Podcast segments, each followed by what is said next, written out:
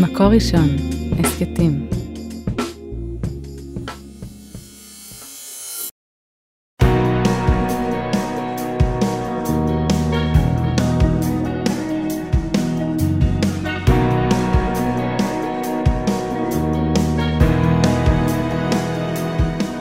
שלום הרבנית שירה מרילי מירביס. שלום הרבנית חמוטל שובל.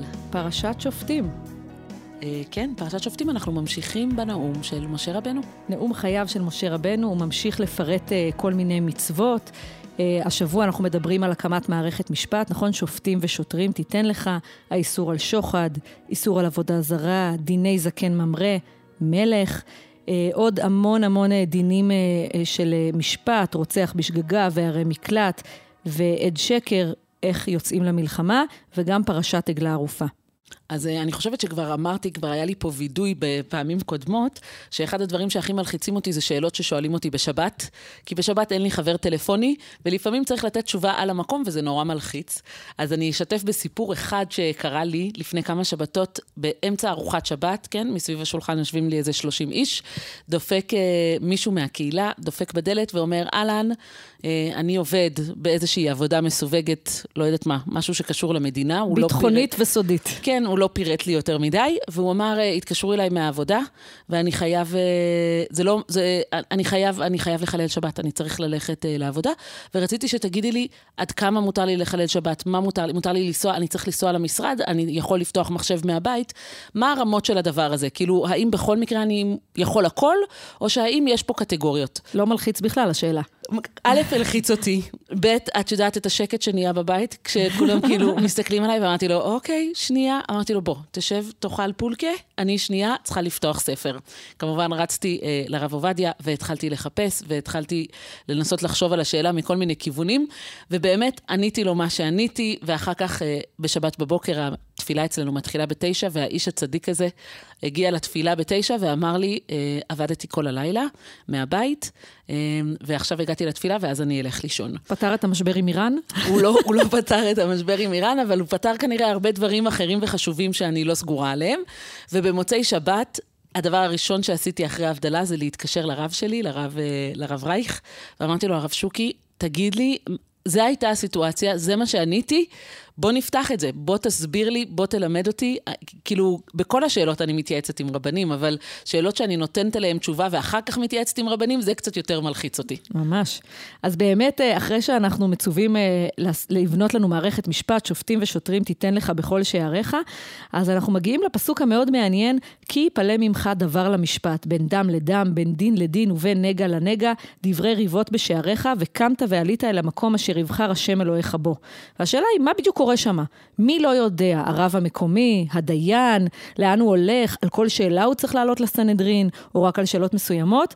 זה ממש אה, שאלה מעניינת, ואני חושבת שכל אה, פוסק הלכה וכל רב נתקל בשאלות שהוא לא יודע. נכון, ואני חושבת שאחד הדברים החשובים זה לדעת להגיד, אני לא יודעת. זה ממש בסדר גמור, אני לא, מקווה שלא מצופה ממני לדעת ארבע חלקי שולחן ערוך בעל פה. אה, וזה הגיוני שיש דברים שלא יודעים. רש"י על הפסוק הזה אומר, כי יפלא כל הפלאה, לשון הבדלה והפרשה, שהדבר נבדל ומכוסה ממך. זאת אומרת, יש תשובה, אבל אני לא יודעת אותה. זה רק ממני מכוסה, התשובה הזאת. זאת אומרת, זה שאני לא יודעת את זה, זה לא אומר שאין פתרון לשאלה, או שאין תשובה הגיונית וטובה, אה, אבל לפעמים, הרבה פעמים בחיים, יש שאלות שישאלו ואני לא יודע את התשובה. ואז השאלה, מה עושים בסיטואציה כזאת שבה יש שאלה שאני לא יודעת עליה את התשובה.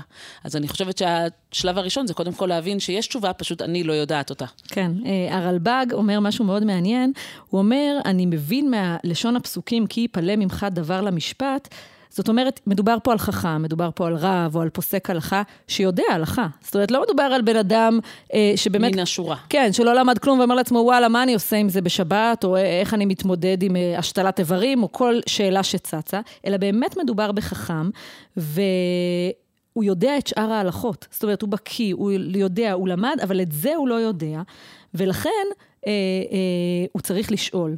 ועוד דבר שמוסיף הרלב"ג, הוא אומר, מחלוקות זה בסדר. יכול להיות שיהיו כמה פוסקי הלכה, וכל אחד יחשוב משהו אחר. צריך להכריע במחלוקת, אבל מחלוקת זה בסדר. אה, אומר, יש לו חברים שמדברים בהלכה, יש פה שיח הלכתי מה עושים בסוגיה הזאת, וצריך לעלות לירושלים, אבל זה לא רע, וזה לא אומר שהוא לא בסדר, וזה לא אומר שהוא לא למד מספיק.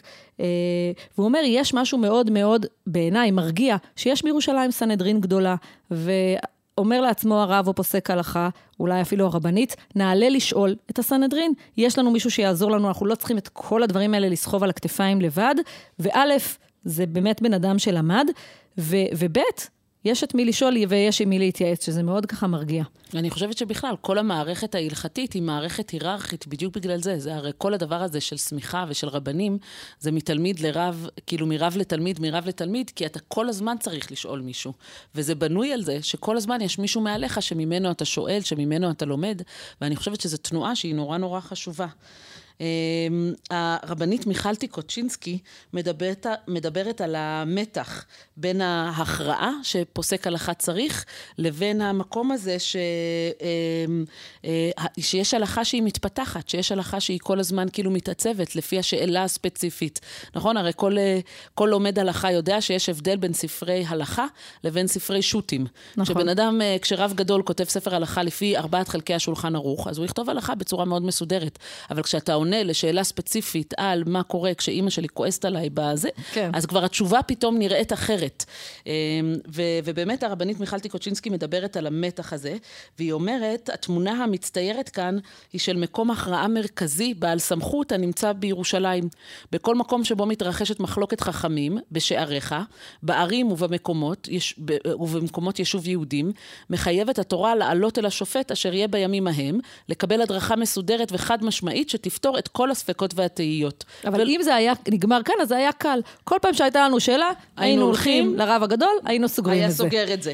אבל, אה, אבל זה לא ככה. אבל היא אומרת שיש לנו מסורות של פסיקה, ויש גם אה, הבדל בין מקומות, בין מנהגים, בין, בין מסורות. בין עדות שונות. כן, והיא אומרת, יש לנו בסוף, בסוף את יכולה, אה, אתמול הבת שלי, אה, לצערנו הרב, אכלה שייק, שתתה שייק, אחרי שעתיים אה, מארוחת צהריים. אוי. ואז היא נורא נורא התבאסה, ואז היא אמרה לי, אמא, אני אהיה הולנדית היום. לא נורא ששתיתי את השייק, כי פתאום היא גילתה שהוא היה חלבי. זו תגובה מקסימה. נכון, אז היא אמרה לי, אני הולנדית. יש לי על מי לסמוך. בדיוק. אני אתחתן עם הולנדי. אז היא, אומרת, אה, הרבנית מיכל טיקוצ'ינסקי, שרגע, מצד אחד יש לנו רצון להכרעה, ומצד שני אנחנו יודעים שיש לנו מסורות ופסיקות שונות. אז מה אנחנו עושים עם המתח הזה? אז זה מה שהיא אומרת. ייתכן לומר שהפסוקים בפרשת שופטים מתארים בדיוק את המציאות הזאת. הניסיון והחתירה המשותפים לעלות בהר השם, כרוכים בש... בשמיעת דבר השם הנחרץ והברור, אבל גם בדברי השופט, אשר יהיה בימים ההם. כל זה כרוך בדרישה ובלימוד. מצד אחד אתה שואל, מצד שני, השופט טבוע או נמצא במקום שלו, בזמן שלו, ויש לו, לו יכולת הכרעה, יש לו יכולת להשפיע על הסוגיה. ההכרעה איננה בהכרח מיידית, אפשר שמדובר בתהליך בין-דורי ארוך טווח של הכרעה וכינוס של מחלוקת וחוזר חלילה. והכלים ההלכתיים השונים מאפשרים לאזן בין שני הכוחות שקיימים כל העת ברקע. זאת אומרת, יכול להיות שיהיו לנו שאלות הלכתיות, שייקח לנו שנים ללבן אותן. זה לא נפלה לי הכפית הבשרית לכיור החלבי, מה אני עושה? שאלות באמת יותר כבדות אה, משקל. ואומרת הרבנית מיכל טיקוצ'ינסקי, לא כל דבר דורש הכרעה הרגע. מיידית. זה גם מאוד יפה, שהתנועה היא בעצם כל הזמן שאתה שואב מתוך המסורת, אתה כל הזמן נשען אחורה ואתה כל הזמן מסתכל קדימה. ויש שם איזשהו איזון מאוד מאוד עדין בין העבר לעתיד. אה, בהמשך הפרשה שלנו יש אה, בקשה למלך, נכון? שום תשים עליך מלך, אשר יבחר השם אלוהיך בו, מקרב אחיך תשים עליך מלך. ואחת השאלות הכי מעניינות אה, שיש, חייבים מלך? זה טוב מלך? אני חושבת על, את מכירה את הטקס הזה שיש בארמון בקינגהם? של החלפת המשמר, כן. ואנשים נורא אוהבים את, ה, את השואו הזה, את זהו, הבגדים. זהו, באתי להגיד שאולי נשאל אנגלי, אם זה טוב, uh, מלכה. זהו, אז... הם אוהבים את זה, את חושבת? אני חושבת שהם אוהבים את זה. אני חושבת שיש משהו נורא מיוחד, שיש לך מישהו לשאת אליו עיניים, גם בעידן פוסט-מודרני, שאנחנו לא סומכים על אף אחד, ויש כזאת ציניות לגבי הכל. בסוף, הכוסות האלה עם התמונה של המלכה, או עם אה, הארי והנסיך הארי, הם מוכרים, אה, מוכרים אה, מזכרות באלפים, במיליונים. במיליונים. אני חושבת שהם אוהבים את זה כי המלכה לא אומרת להם מה לעשות. זה הערה נכונה. כי זה רק סימבולי לחלוטין ותיירותי וחמוד, אבל uh, אם המלכה הייתה מתחילה להגיד להם, uh, נכון? כמו אוזו ומוזו מכפר קקרוזו, כן. מחר בבוקר כל התושבים נדרשים ללבוש חולצה ירוקה, לא בטוחה עם כמה היו אוהבים את המונרכיה. אז זאת אומרת שהם אוהבים את הסמל. הם אוהבים את הסמל, לדעתי כן. שהם יפים ונכונים ומה הם לובשים כל בוקר, אבל כן. הם לא רוצים את הסמכות הזאת. עכשיו לרגל, אה, היה לפני כמה חודשים 70 שנה למלכותה של המלכה, כן. ודוד של שלמה, הרב אפרים מירביס, הרב הראשי של אנגליה, כתב תפילה יפהפייה לשלום המלכה. ואני כל כך אוהבת לראות את, הנגעים, את הנקודות האלו, את הרגעים האלו, שבהם כאילו התורה וההלכה והעם היהודי רוכש כבוד למלכה, ואיפה זה משתלב ביחד כל כך יפה, והם עמדו בבתי הכנסת באנגליה, ואמרו תפילה מיוחדת לכבוד 70 שנה למלכותה של המלכה. וזה היה מאוד מאוד יפה. את רואה, יש בזה איזה זוהר. לא, לגמרי, יש זוהר ללא ספק. אז שוב, הנה, מה- כל עוד היא יפה ושותקת, הכל בסדר. מהזוהר אנחנו נוחתים למדרש דברים רבה, שמאוד מאוד לא אוהב את זה. הוא לא אוהב את המלכות הזאת, הוא לא אוהב את הוא זה לא אוהב את שהעם- הדרישה למלכות. כן, אומר המדרש בדברים רבה, אשימה עלי מלך, אומרים אה, חכמים, אמר הקדוש ברוך הוא, ביקשתם מלכים, ועמדו המלכים והפילו אתכם בחרב. אומר המדרש, זה תמיד נגמר רע. שאול הפילם בהר הגלבוע, ודוד נתן בהם מגפה, אחאב עצר אליהם את הגשמים, צדקיהו החריב את בית המקדש. אומר המדרש, זה פשוט היה כישלון כל הדבר הזה, ומה המטרה של זה? כיוון שראו מה הגיען מתחת ידי מלכיהן, התחילו צווחים. זאת אומרת, עם ישראל, אין אנו מבקשים מלך, למלכנו הראשון אנו מבקשים, אנחנו רוצים את הקדוש ברוך הוא. אה, אומר המדרש, זה איזשהו תהליך חינוכי. כן. רציתם מלך? הנה, תראו איזה כישלון זה, מלך אחרי מלך תמיד הביא אתכם לאבדון, ואז תחזרו אה, לבקש את הקדוש ברוך הוא. כדי שנראה את ההבדל בין מלך בשר ודם לבין הקדוש ברוך הוא. בדיוק. אז הרב מדן אומר שבעצם בגמרא יש לנו שתי דעות אה, למה צריך אה, למנות מלך. ובדעה הראשונה, זה מצווה לחלוטין, יש חובה למנות מלך. ברגע שאתה נכנס לארץ, יש מצווה לבנות את המקדש, למחות את עמלק, ואז צריך למנות מלך. זאת אומרת, זה לא שאלה של האם אתה רוצה או האם לא, אלא ממש יש חובה דתית כזאת. אבל מהצד השני, לפי הדעה השנייה, הציווי למנות מלך זה רק תגובה אה, לזה שישראל מתלוננים, ואין פה ביטוי לרצון השם לכתחילה, אלא יש כאן תגובה לרצון של עם ישראל וה, וה, והתלונות שלהם. ולכן הרב מדן כאילו מתלבט בין שתי הגישות האלו שהוא רואה בגמרא, והוא אומר שהפתרון של זה, זה יכול להיות אה, ב, ב, בהבדל בין משכן לבין בית מקדש. הוא אומר שמשכן שילה בעצם לא החזיק בגלל שלא הייתה מלכות שהחזיקה את האיחוד הזה של העם. ובעצם בית מקדש, לדוגמה בימי דוד, בימי שלמה, כשהם בנו, הלכו לעבר בית מקדש, ואחר כך בימי שלמה המלך, כשהיה כבר את בית המקדש, השילוב של בית מקדש, זאת אומרת מקום דתי שמרכז את עם ישראל ביחד עם מלך, זה מה שגרם לכל העם להתרכז ובעצם לעבוד את הקדוש ברוך הוא. זה מה ש... כאילו השילוב של שני הדברים האלו ביחד. אבל אם אין לנו את שני הדברים האלו, אם אין לנו מקדש, אז רק מלוכה לבד, אני לא בטוחה שזה טוב. ואם אין לנו מלוכה ורק בית מקדש, כמו שהיה במשכן שילה, זה גם לא עבד במאה אחוז. אז השילוב הזה, אה, זה השילוב הנכון. האברבנאל אומר משהו משולב. מצד אחד הוא אומר, זאת לא מצווה, שתספרו אה, תרי"ג מצוות, אני לא סופר את זה. אלא בעצם הקדוש ברוך הוא אומר, טוב, אני מבין שאתם ככה, אתם תיכנסו לארץ, תסיימו את הכיבוש והמלחמות, ואז, אומר אה, אברבנאל, אני ידעתי שתהיו כפויים טובה. כשתאמרו מעצמכם, אשימה עליי מלך. עכשיו אומר אברבנאל, למה? כדי לכבוש את הארץ אתם לא צריכים מלך, יש לכם את הקדוש ברוך הוא. וגם כדי להתמודד עם האומות אתם לא צריכים מלך.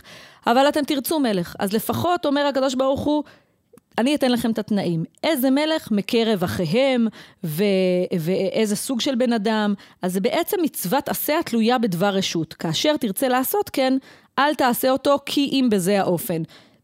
אומר לנו אברבנאל, אני יודע שאתם אנושיים, אתם מחפשים סמכות, אתם מחפשים דמות אנושית להסתכל עליה, שהיא תנהיג אתכם. אני לא עף על זה, אבל אם כן, בתנאים האלה, ולפחות שתעשו את זה כמו שאני רוצה, ולא כמו שבא לכם. עכשיו, רציתי לספר לך שלפני כמה שנים אנחנו שיפצנו את הבית שבו אנחנו גרים, ומה שהיה יפה ומאוד נאיבי, שהתחלנו את השיפוץ עם קובץ אקסל. חמוד וקטן. אנחנו רק זה יפה נשפץ. שלכתחילה היה. נכון? כן. נסגור מרפסת, אולי נשדרג טיפה את השירותים וזהו. לאט לאט קובץ האקסל טפח עד שעזבתי אותו, אמרתי, זה עדיף שאני לא אראה. עדיף לא לראות. ו- והשיפוץ טפח וטפח, באיזשהו שלב הפסקתי להיכנס לאפליקציה של הבנק, אמרתי, עדיף שלא לא לדעת. בסוף יצא בית יפה, נכון?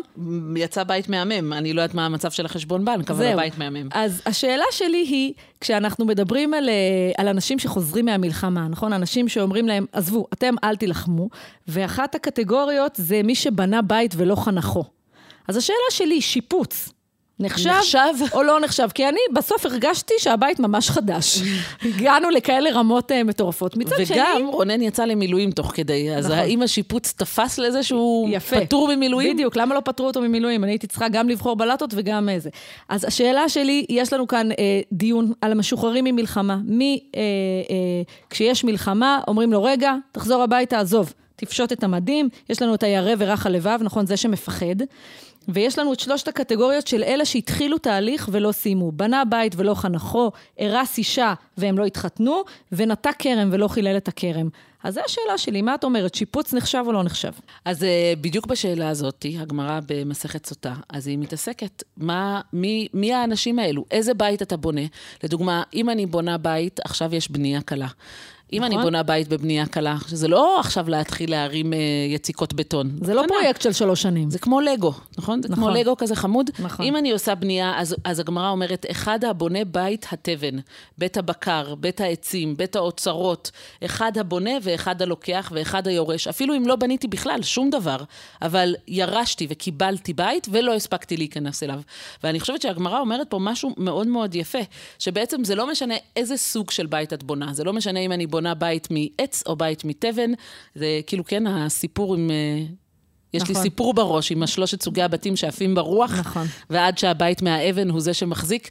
אז אומרת פה הגמרא בדיוק להפך מהסיפור הזה, זה לא משנה אם הבית שלך הוא מתבן, זה לא משנה אם הבית שלך מעץ, זה לא משנה אם לא בנית בית וירשת בית, אבל אם לא הספקת להיכנס לבית, אם לא הספקת לסיים את התהליך ונכנסת אל הבית שלך, זה הסיטואציה שבה אתה לא יוצא למלחמה. אבל הגמרא ממשיכה ואומרת בהמשך, ואלה שאינם חוזרים, מי שבונה בית שער, אכסדרה, מרפסת, אתה אפילו אה, מחזיר גרושתו, התגרשתם לפני חמש שנים ועכשיו החלטתם להתחתן שוב, זאת אומרת, זה לא הכל. כן. אם אתה רק סוגר מרפסת, אתה לא חוזר על זה מהמלחמה. ואם כבר היית נשוי לאישה ועכשיו, אחרי הגירושים החלטתם להתחתן שוב, זה לא החתונה שעליה מדובר בתורה, מדובר על משהו מאוד מאוד ראשוני, ועל משהו שהוא גדול, נכון? זה לא, זה לא, זה לא שיפוץ. אז הגמרא בעצם עושה, מה שהיא בדרך כלל עושה, היא מגדירה לנו את גבולות הגזרה, ואז ככה אנחנו יודעים מה באמצע.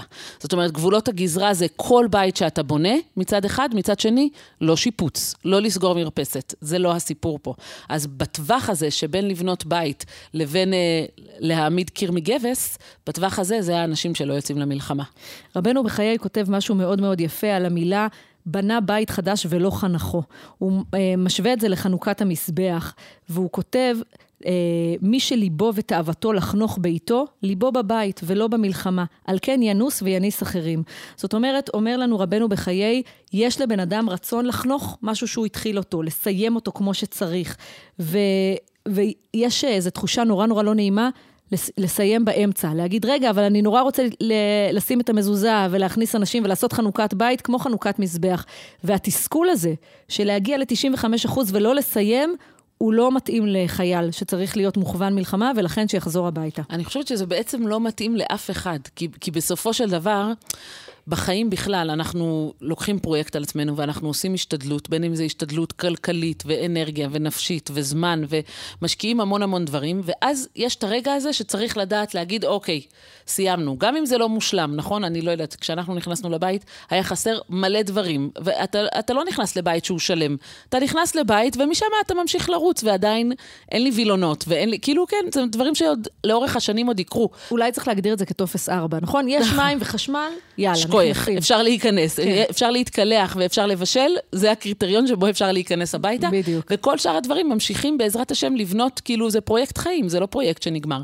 מצד שני, אומר ספר החסידים, יש עניין שכשאתה מסיים פרויקט עם כל ההשתדלות האנושית שלך, בסופו של דבר צריך את הסייעתא דשמיא. בסופו של דבר צריך את הברכה של הקדוש ברוך הוא, והברכה הזאת, זה, זה התחושה הזאת שסיימת את הפרויקט ושאתה מתחיל משהו, שלב חדש. והוא כותב, כשאדם גומר מלאכה גדולה, צריכה ברכה. שהרי לאחר שברא הקדוש ברוך הוא את עולמו, ברכו שר העולם, שנאמר, ישמח השם במעשיו.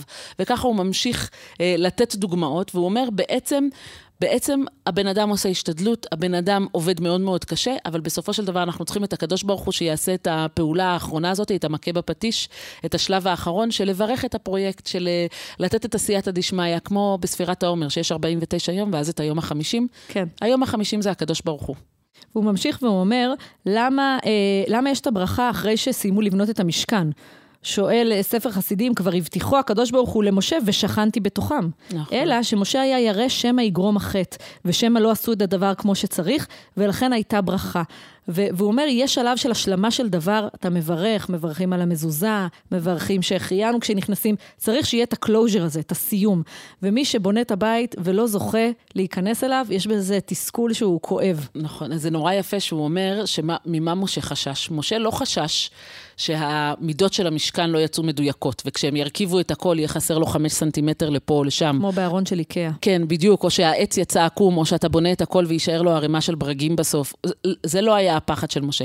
מה שהיה הפחד של משה זה שהכוונה לא הייתה מדויקת בכל שלב של הבנייה, ולכן גם אם הכל יעמוד פיזית, כן. הברכה של הקדוש ברוך הוא לא תשרה, וזה מה שהלחיץ אותו. כאילו, הוא רצה לראות איך הכל עומד פיזית, ולא נשאר לו ברגים בסוף, ואז איך השכינה יורדת ושורה, ואת זה אפשר לדעת רק ממש בסוף הפרויקט, שהקדוש ברוך הוא בעצמו משרה שכינתו. אני חושבת שלכל אורך הפרשה אנחנו בעצם רואות שאנחנו צריכים את ההשתדלות האנושית, אבל צריכים את הברכה מלמעלה. גם כשיש אה, מישהו ששואלים אותו שאלה בהלכה והוא לא יודע, גם כשרוצים מלך, צריך לזכור שמלך הוא בסוף אנושי וצריך את עשייתא דשמיא ואת הליווי של הקדוש ברוך הוא באיך בוחרים ומתי בוחרים וכדי לא ללכת לאיבוד. וכשיוצאים למלחמה, צריך את הליווי של הקדוש ברוך הוא, ומי שמרגיש שזה גדול עליו והראש שלו בדברים אחרים, שילך הביתה. צריך לזכור שההשתדלות האנושית שלנו היא פה בארץ, ובסוף הברכה היא מלמעלה. שנזכה. שבת שלום. שבת שלום. על ההקלטה והסאונד אוהד רובינשטיין, על ההפקה והעריכה יהודית טל, יאקי אפשטיין ועדי שלם רבינוביץ'. תודה רבה למאזינים. את הפרק הזה, כמו את שאר פרקי הסדרה והסכתים רבים נוספים, תוכלו למצוא באתר מקור ראשון, בשורת ההסכתים של מקור ראשון, בספוטיפיי, באפל מיוזיק וגם בגוגל.